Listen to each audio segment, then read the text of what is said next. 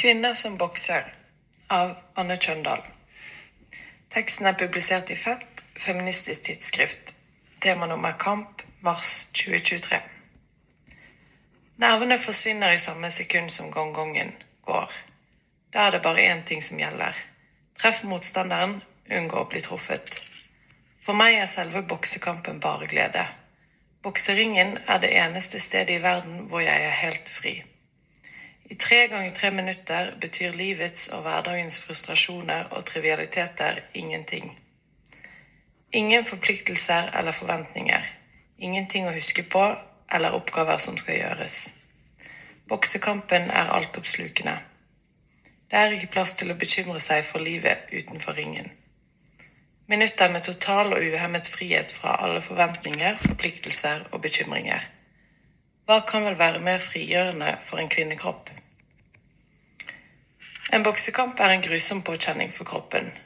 Kampen i bokseringen er en krig på individnivå. Dominer eller bli dominert. Den hardeste påkjenningen kommer likevel i forkant av kampen.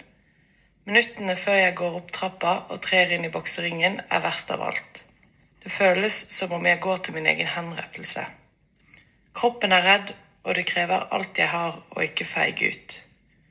Mange ganger har jeg stått ved trappa opp til bokseringen før en kamp og lurt på hvorfor jeg gjør dette mot meg selv. Hvorfor vil jeg meg selv så vondt? I bokseringen er du helt alene.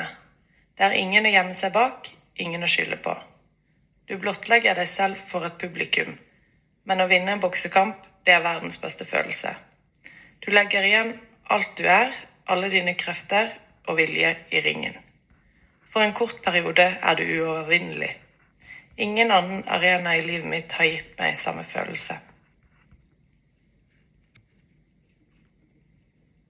Hvis jeg skal sammenligne det å tape en boksekamp med noe, må det være kjærlighetssorg. Å tape en kamp føles som om du nettopp har tatt kjæresten på fersken i å være utro. Hjertet knuses i tusen biter. Tårene renner, sinnet brenner, du er utrøstelig. De fleste boksere har kjent på følelsen av tap. Derfor er det helt legitimt å rope, bannes og kjefte i sinne når man taper en boksekamp. Idrettskonkurranser gir rom for følelsesuttrykk på en annen måte enn andre samfunnsfelt, og intensiteten i en boksekamp er den beste måten å eksemplifisere idrettens emosjonelt frigjørende funksjon. Kanskje er denne emosjonelle frigjøringen som kommer med boksekampen, ekstra viktig for kvinnekroppen. Det er større aksept for at menn uttrykker sinne og aggresjon i offentlige rom. Idretten er en av få arenaer hvor takhøyden for emosjonelle utbrudd av denne typen er like stor for kvinner og menn. Jeg ble aldri en fantastisk bokser, men boksehanskene har tatt meg lenger enn jeg kunne forestilt meg da jeg gikk inn i treningslokalene til Bodø bokseklubb for første gang som 16-åring. Min første boksetrening kan best beskrives som kjærlighet ved første blikk. Jeg ble vilt og stormende forelsket i boksesporten.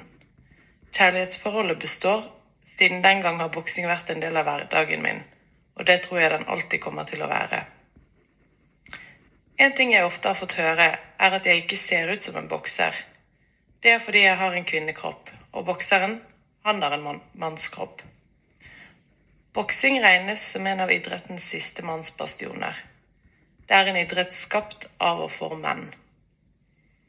Sportens tette historiske bånd til militær aktivitet og kamptrening for unge menn preger boksingen den dag i dag. Det er vel få ting som gir sterkere konnotasjoner til menn og maskulinitet enn nevekamp. Dette handler om at mange forbinder boksing med påføring av vold mot et annet menneske. Handlinger som i større grad knyttes til menn enn kvinner. Slik har boksingen fått et urettferdig og stereotypisk image som en idrett for voldelige og ustabile menn. Boksesportens maskuline trekk Boksesportens maskuline historikk er krevende for kvinnene som bokser. Historisk har boksing ekskludert og marginalisert kvinners deltakelse. Kvinner har kjempet, og kjemper fortsatt, en hard kamp for å, for å ta plass i boksesporten. De første kampene var for adgang til bokseringen, for å få lov til å konkurrere. Deretter kom kampen om å få slippe inn i den olympiske bokseringen, og i dag handler kampene om like vilkår og idrettspolitisk påvirkning.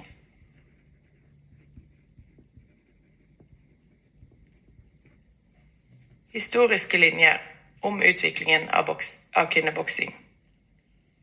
I amatørboksing ble ikke internasjonale mesterskap for kvinner arrangert før etter år 2000.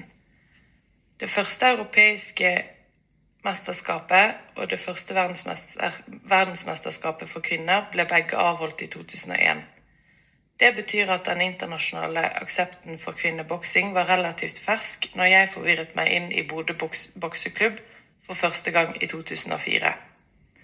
Selv om kvinner fikk lov til å konkurrere internasjonalt, var det tydelige forskjeller på herrene og damene. Når jeg begynte å trene boksing, fikk ikke kvinner lov til å bokse like lenge som menn. Kvinnekampene var kortere enn herrekampene. Damene bokset i tre ganger to minutter, og herrene bokset i tre ganger tre minutter. Kvinnekroppen kunne jo ikke tåle like mye juling som herrekroppen, fikk jeg høre. Rundene måtte derfor være kortere. Det var vanskelig for meg å akseptere, og jeg fikk følelsen av å være forelsket i noe som ikke elsket meg på samme vis tilbake.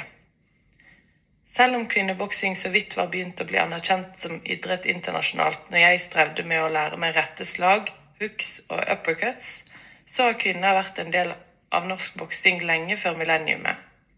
Skandinavia var tidlig ute med å tillate boksekamper for kvinner. I Norge og Sverige fikk kvinner konkurrere i boksing allerede sent på 80-tallet. I resten av verden var det forbudt. Fram til 9.9. i 1984 hadde Norges bokseforbund, NBF, forbud mot å arrangere kamper for kvinner. NBF tillot kvinner å konkurrere i boksing etter en komité oppnevnt av forbundet selv fremla en rapport hvor de oppfordret NBF til å oppheve forbudet. Komiteen argumenterte med at NBF ikke kunne vise til noen valide fysiologiske eller anatomiske argumenter for å opprettholde forbundet mot kvinnekamper i boksing. Dermed var det urimelig å ekskludere halve den norske befolknings tilgang til boksing som konkurranseidrett, mente komiteen. Som idrettsorganisasjon begynte NBF å jobbe aktivt for inkludering av kvinner på slutten av 1980-tallet. Det tidlige arbeidet ga kvinner som bokser i Norge et forsprang sammenlignet med boksende kvinner i andre land. Jeg er evig takknemlig til kvinnene som bokset kamper i Norge på 80-tallet, til alle de pugilistiske pionerene som tok den første kampen om plassen i ringen. Det kan umulig ha vært problemfritt. Uten dem hadde det kanskje ikke vært noe selvfølge at jeg som kvinne ble ønsket velkommen på boksetrening som 16-åring i 2006. 1980, I 1988, samme år som jeg ble født, signerte presidenten av NBF et åpent brev til støtte for norske kvinner i boksing. I brevet skrev presidenten Til alle norske kvinner som deltar i boksing. Velkommen som boksere. Vår sport er krevende og hard. Historisk kan ha vært dominert av menn. Som kvinne vil du mest sannsynlig bli konfrontert med noen negative reaksjoner når du involverer deg i en idrett som tradisjonelt har vært reservert for menn. Vi i Norges bokseforbund håper at du ikke vil bry deg om disse reaksjonene. Vit at alle medlemmer av styret i Norges bokseforbund ønsker deg velkommen i vår idrett. Vi vet at kvinner vil bidra positivt til utviklingen av norsk boksing. Organisatorisk har NBF støttet kvinner som bokser i 35 år. Likevel husker jeg godt ryktene om klubber hvor kvinner ikke var velkomne på trening fra min tid som novise i boksesporten. Dro du til feil klubb, kunne du risikere å få bank. Kanskje var det bare røverhistorier for å skremme oss jentene vekk fra boksinga. Norges tidlige start innen kvinneboksing ga resultater når Det internasjonale bokseforbundet begynte å arrangere mesterskap for kvinner. Vi som begynte å bokse i denne perioden, fikk enorm motivasjon av å se norske kvinner kunne lykkes i den internasjonale bokseringen.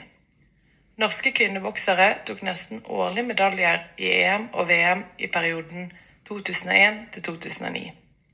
Norge arrangerte også et europamesterskap for kvinner i 2005.